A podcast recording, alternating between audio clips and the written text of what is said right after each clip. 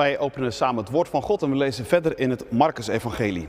In de liturgie staat hoofdstuk 12, vers 1 tot en met 12. Dat is ook zo.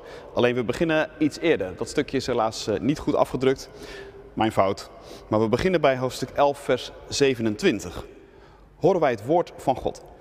Ze kwamen weer in Jeruzalem aan. Dat zijn Jezus en zijn leerlingen. Toen Jezus zich in de tempel ophield, kwamen de hoge priesters, de schriftgeleerden en de oudsten van het volk naar hem toe. En vroegen hem, op grond van welke bevoegdheid doet u de- deze dingen? Wie heeft u het recht gegeven om zo te handelen? Jezus antwoordde, ik zal u een vraag stellen. Als u mij daarop antwoord geeft, zal ik u zeggen op grond van welke bevoegdheid ik zo handel. Doopte Johannes in opdracht van de hemel of in opdracht van mensen? Antwoord mij. Ze overlegden met elkaar en zeiden: Als we zeggen van de hemel, zal hij zeggen: Waarom heb je hem dan niet geloofd? Maar als we zeggen van mensen, wat dan? Ze waren namelijk bang voor de menigte, want iedereen hield Johannes voor een echte profeet. Dus zeiden ze tegen Jezus: We weten het niet. En Jezus zei tegen hen: Dan zeg ik jullie ook niet op grond van welke bevoegdheid ik deze dingen doe. En hij begon tegen hen te spreken in gelijkenissen. Een man legde een wijngaard aan en omheinde die. Hij groef een kuil voor de wijnpers en bouwde een uitkijktoren. Hij verpachtte de wijngaard aan wijnbouwers en ging op reis. En na verloop van tijd stuurde hij een knecht naar de wijnbouwers om zijn deel van de opbrengst van hen te ontvangen.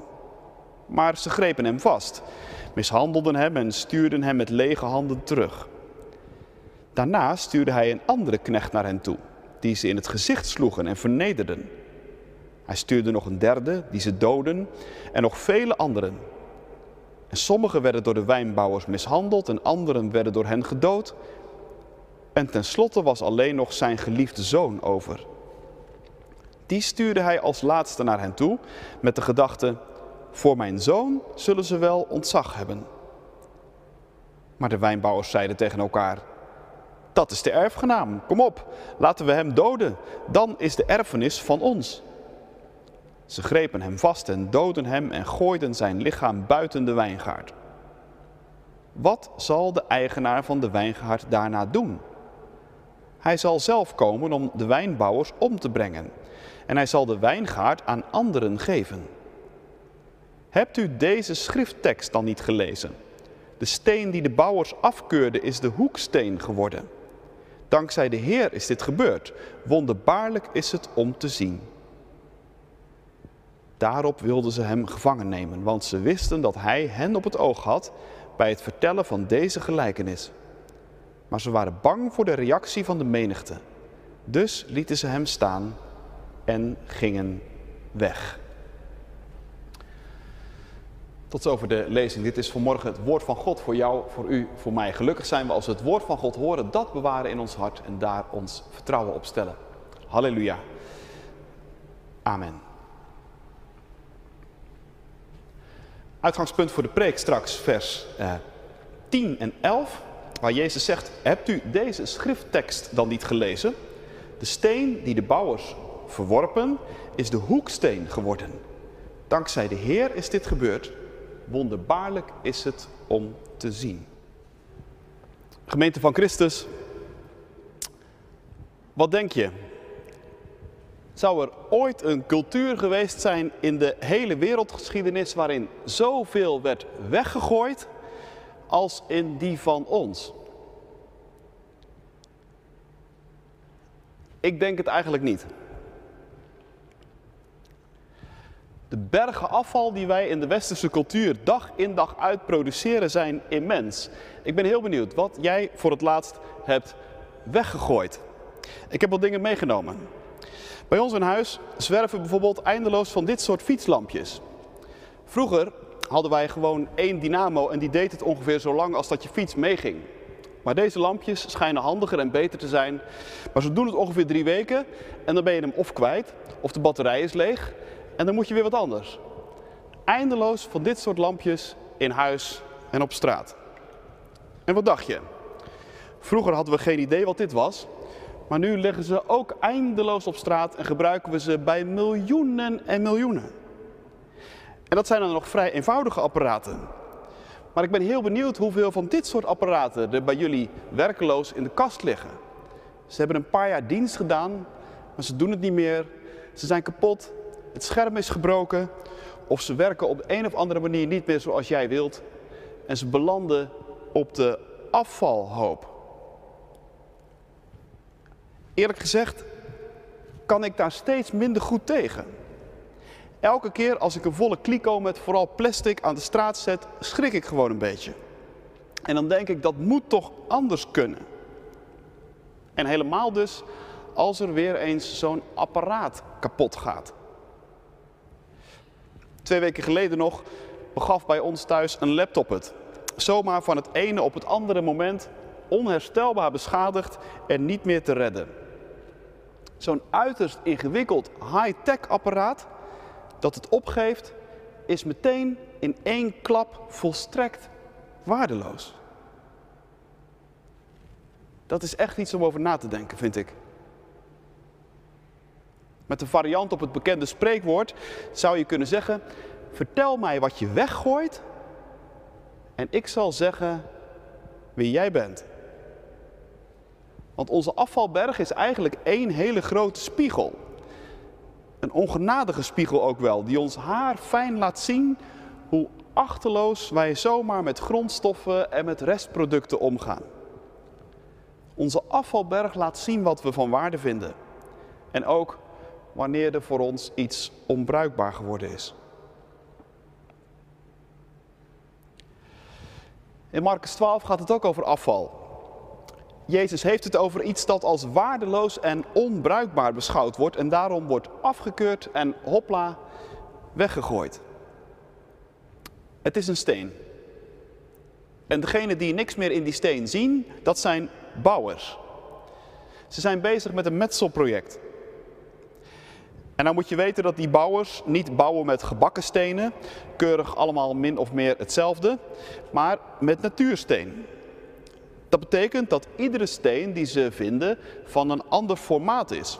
En dat het dus een hele kunst is om dat zo goed mogelijk in elkaar te passen. Je hoeft niet eens heel ver naar het buitenland om huizen, kastelen en stadsmuren te, aan te treffen die op die manier ook in elkaar gezet zijn. En je kunt je voorstellen wat een enorme klus dat is. En hoeveel vakmanschap daarbij komt kijken. En af en toe, ja, af en toe zit er dus een steen tussen waar de metselaar niets mee kan. Zo'n steen wordt afgekeurd en komt als afval op de grote hoop. Waardeloos en weg ermee. Het beeld van die afgekeurde steen dat Jezus hier gebruikt, verzint hij niet zelf. Jezus citeert een psalm, psalm 118, en hij gaat ervan uit dat de mensen tegen wie hij het heeft, die psalm kennen. Jullie kennen dit schriftwoord toch? vraagt hij. En die jullie, dat zijn Joodse leiders.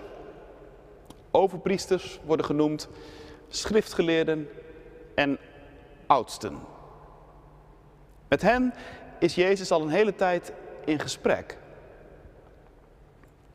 Het is niet een erg vriendelijk gesprek trouwens. Jezus wordt door hen ter verantwoording geroepen, want hij doet dingen die opvallen en die steeds meer gaan opvallen. Het meest opvallende is aan het begin van hoofdstuk 11 gebeurd. Jezus heeft de tempel leeggeveegd. Nou, je kunt je voorstellen, dat was enorm tegen het zere been van alle gezagsdragers. En vandaar dus die vraag. Wat geeft u het recht om dit soort dingen te doen? Kunt u uzelf misschien even legitimeren? Dat is op zichzelf natuurlijk al een hele interessante vraag. Interessante vraag, omdat zo'n vraag meestal niet zomaar wordt gesteld. Ga maar eens na bij jezelf. Als mensen dingen doen of dingen zeggen die ons gewoon goed uitkomen, die we handig vinden of in ieder geval logisch vinden klinken, dan stellen we de vraag naar hun bevoegdheid eigenlijk zelden. Dan maakt het helemaal niet uit of, er iemand, of iemand ergens voor geleerd heeft, of hier veel ervaring mee heeft opgedaan, of wat dan ook. Nee, die vraag die komt meestal pas op als het spannend wordt. Als we bijvoorbeeld een beetje nattigheid voelen.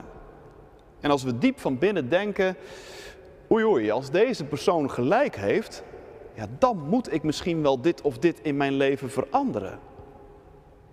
Dan willen we ineens wel graag weten of iemand het recht heeft om te doen wat hij doet en te zeggen wat hij zegt. Nou, ook de vraag naar Jezus' bevoegdheid wordt niet zomaar gesteld. De mensen die de vraag stellen voelen inderdaad nattigheid. Als Jezus echt is wie hij zegt dat hij is, dan moeten zij hun leven veranderen. En daar hebben ze dus geen zin in. Maar Jezus doorziet dat plan en hij laat zich er dan ook niet in meeslepen. Eerst stelt hij een vraag terug en dan vertelt hij een gelijkenis. Over die gelijkenis straks nog meer. En, en dat sluit dus af met deze vraag. Kennen jullie dit schriftwoord over die steen die de bouwers verworpen hadden? Je weet wel, die steen die zomaar op de afvalberg terechtgekomen was. Ja, natuurlijk kennen ze dat schriftwoord. En ze voelen ook wel aan, zo gaat dat hè, je voelt wel aan waarom Jezus dit woord nu gebruikt. Zij zijn die bouwers. Hij is die steen. Zij zijn degene die zijn gezag ter discussie stellen om maar niet naar hem te hoeven luisteren. Want hij past niet in hun bouwwerk. Hij past niet in hun plannen en gedachten. En daarom is er voor hem eigenlijk nog maar één passende plek. De afvalberg.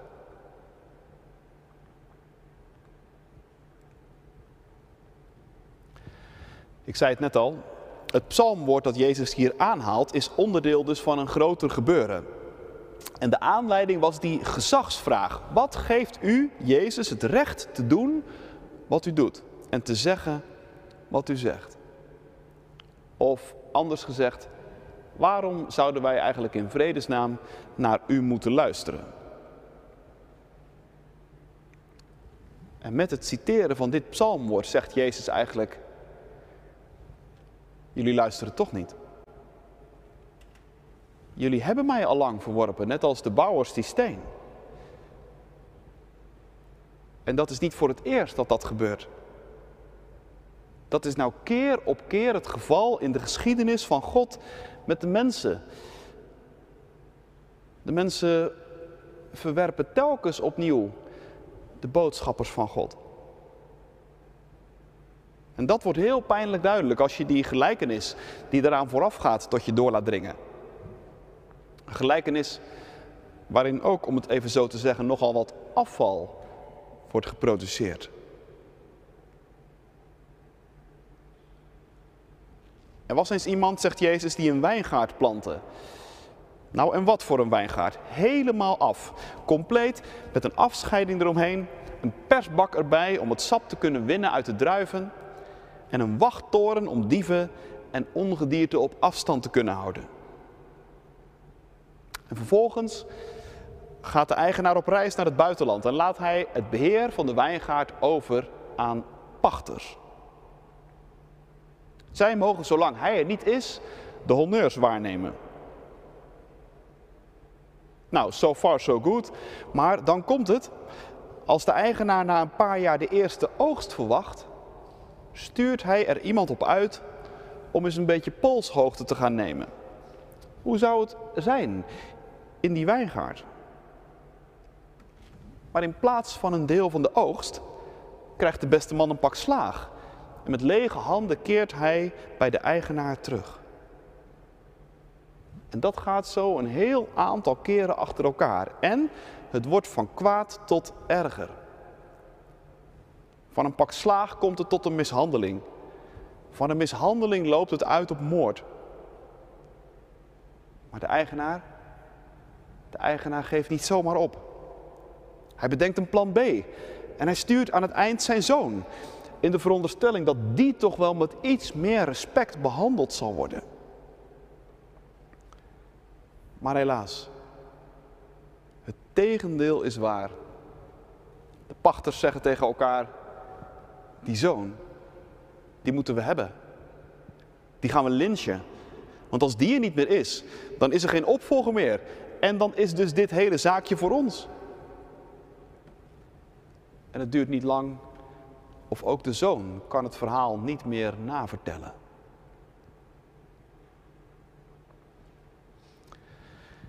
Triest verhaal natuurlijk.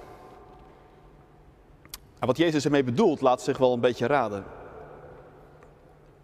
De wijngaard is in het Oude Testament een aantal keren een beeld voor Israël. Je zag het in de psalm waarmee we begonnen, psalm 80. En ook in Jesaja 5 kom je het tegen bijvoorbeeld. Gods grote project, zou je kunnen zeggen. Uit Egypte naar het beloofde land gebracht en daar bedoeld om vrucht te dragen. Vrucht die vervolgens ook naar het buitenland verscheept zou kunnen worden. Dat die eigenaar van die wijngaard naar het buitenland afreist, dat is geen onverschilligheid. Dat hij denkt, ze zoeken het maar uit in die wijngaard. Nee, dat is omdat het buitenland ook moet gaan delen in de opbrengst van die wijngaard. Je weet vast nog wel wat God tegen Abraham zegt in Genesis 12. In jou zal ik alle volken van de aarde zegenen. Dat was Gods plan. Een wijngaard in Israël en vrucht voor de hele wereld. En om dat te laten gebeuren was werkelijk overal voor gezorgd. Gods geboden als een beschermende heg om de wijngaard heen. Eerst richters en later koningen die in de wachttoren de veiligheid moesten bewaken. Maar waarom ging het nou toch zo mis?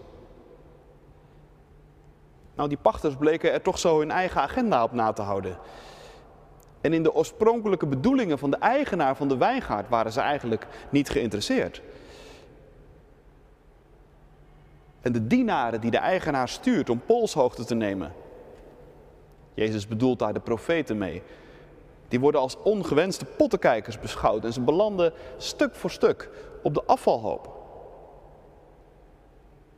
Zelfs de zoon, zelfs de zoon en het kan niet anders of Jezus bedoelt daar zichzelf mee.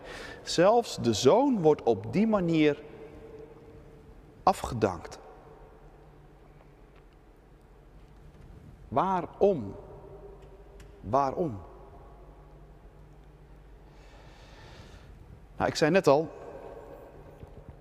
om deze gelijkenis goed te kunnen begrijpen, moet je telkens in de gaten blijven houden tegen welke achtergrond hij tot klinken komt.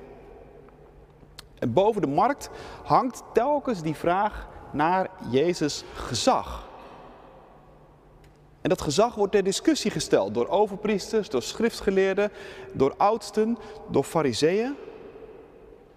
En dat zijn allemaal mensen, let op, die zelf op de een of andere manier gezag, macht hadden. De overpriesters hadden macht omdat ze geboren werden als onderdeel van, ja, laten we zeggen, de upper class.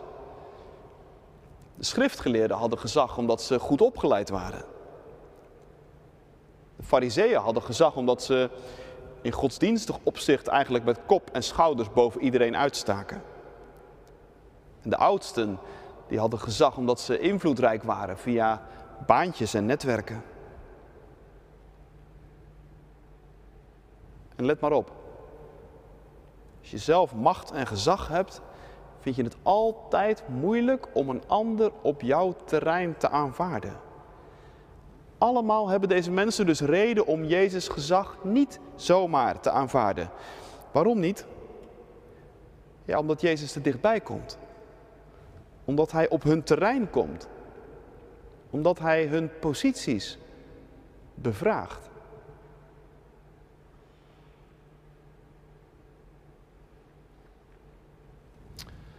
Even naar ons toe. Wat denk je?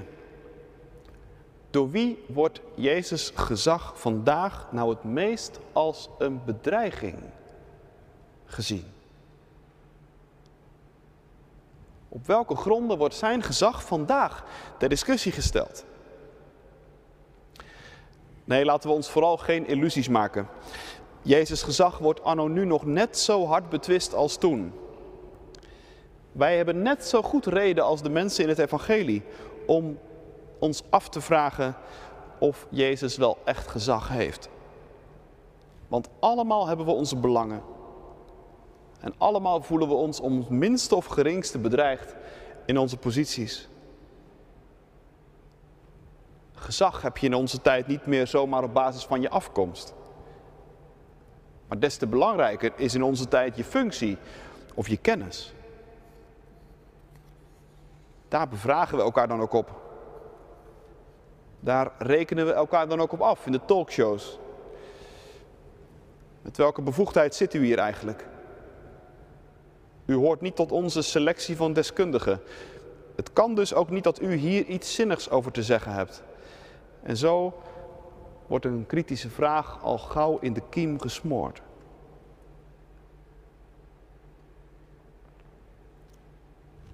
Maar wat nou?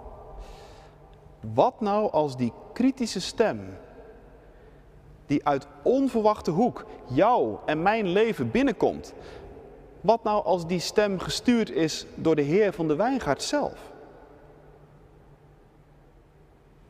Wat nou als het een profetische stem is die namens de Heer van de wijngaard komt kijken hoe vruchtbaar ons leven eigenlijk is? Wat doe jij dan? Neem je zulke stemmen serieus?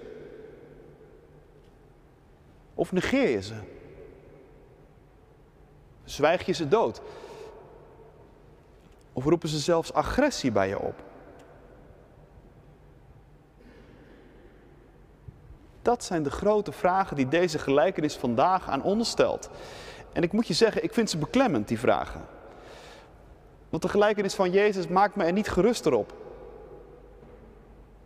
Welke profetische stemmen liggen er bij ons op de afvalberg? Welke stemmen worden door ons genegeerd? In het klein, in onze eigen levens, maar ook wat groter, in onze kerk, in onze samenleving. Welke stemmen komen te dichtbij en vinden we moeilijk? Wie stelt aan ons vragen die, ik, die we eigenlijk niet horen willen? Wie stelt thema's aan de orde die niet passen in onze plannen en gedachten? En wat doen we dan? Als ons wereldbeeld op zijn kop gezet wordt. Of als iemand me komt storen in alles wat ik volstrekt vanzelfsprekend vond. Met veel van die stemmen loopt het niet goed af. De afvalbergen van de geschiedenis liggen er vol mee.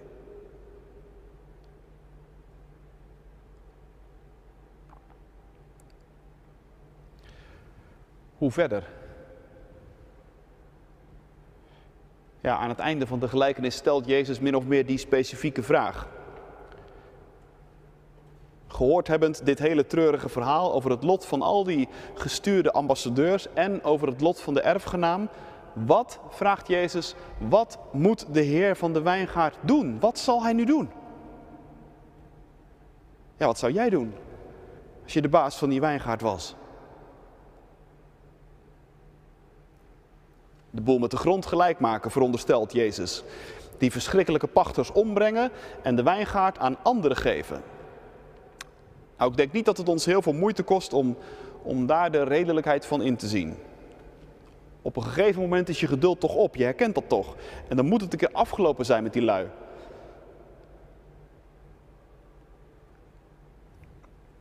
Maar weet je, dat is nou toch niet het hele verhaal. Dat is, zou je kunnen zeggen, de menselijke optie A. De meest voor de hand liggende optie. Maar dan, dan zouden we niet genoeg met God gerekend hebben. Want als het zo zou aflopen, Als God zou komen en die hele wijngaard met de grond gelijk maken en die bouwers ombrengen, dan zouden dus die bouwers met het verwerpen van hun steen en die slechte pachters, die zouden toch hun zin krijgen. Maar dat is voor de wijngaard, voor de heer van de wijngaard, te veel eer. En daarom is het zo ontzettend bijzonder dat Jezus hier met Psalm 118 aankomt. Want die tekst gaat nog verder. Die gaat niet alleen over de bouwers en over wat zij met die steen doen. Maar die gaat ook over wat God met die steen doet.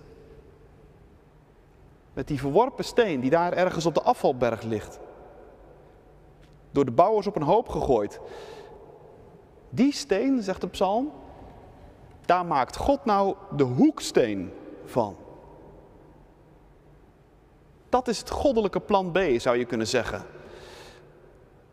Wat wij verwerpen, dat geeft God een ereplaats.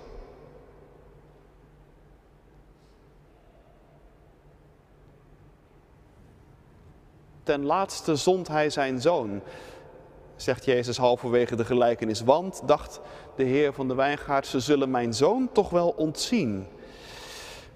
Die woorden uit de gelijkenis die snijden door je ziel. Want je weet hoe het afliep. Wij hebben de zoon helemaal niet ontzien. We hebben hem gekruisigd met elkaar. We hebben hem op de afvalberg gegooid in de hoop dat we voor eens en voor altijd van hem af waren. Want waarom komt u ons hinderen? Maar God besliste anders. De steen die de bouwers verwierpen, is de hoeksteen geworden.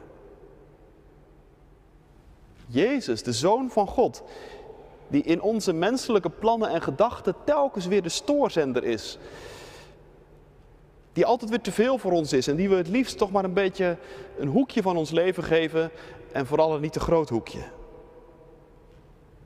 Tegen hem zegt God, jij bent de hoeksteen. Vanuit jou krijgt mijn hele gebouw vorm. Jij bent het format. Jij bent de blauwdruk van de toekomst die ik voor ogen heb. Want ik geef mijn wijngaard niet op. Ik laat mijn wereld niet over aan de slopers, aan de zelfvernietigers.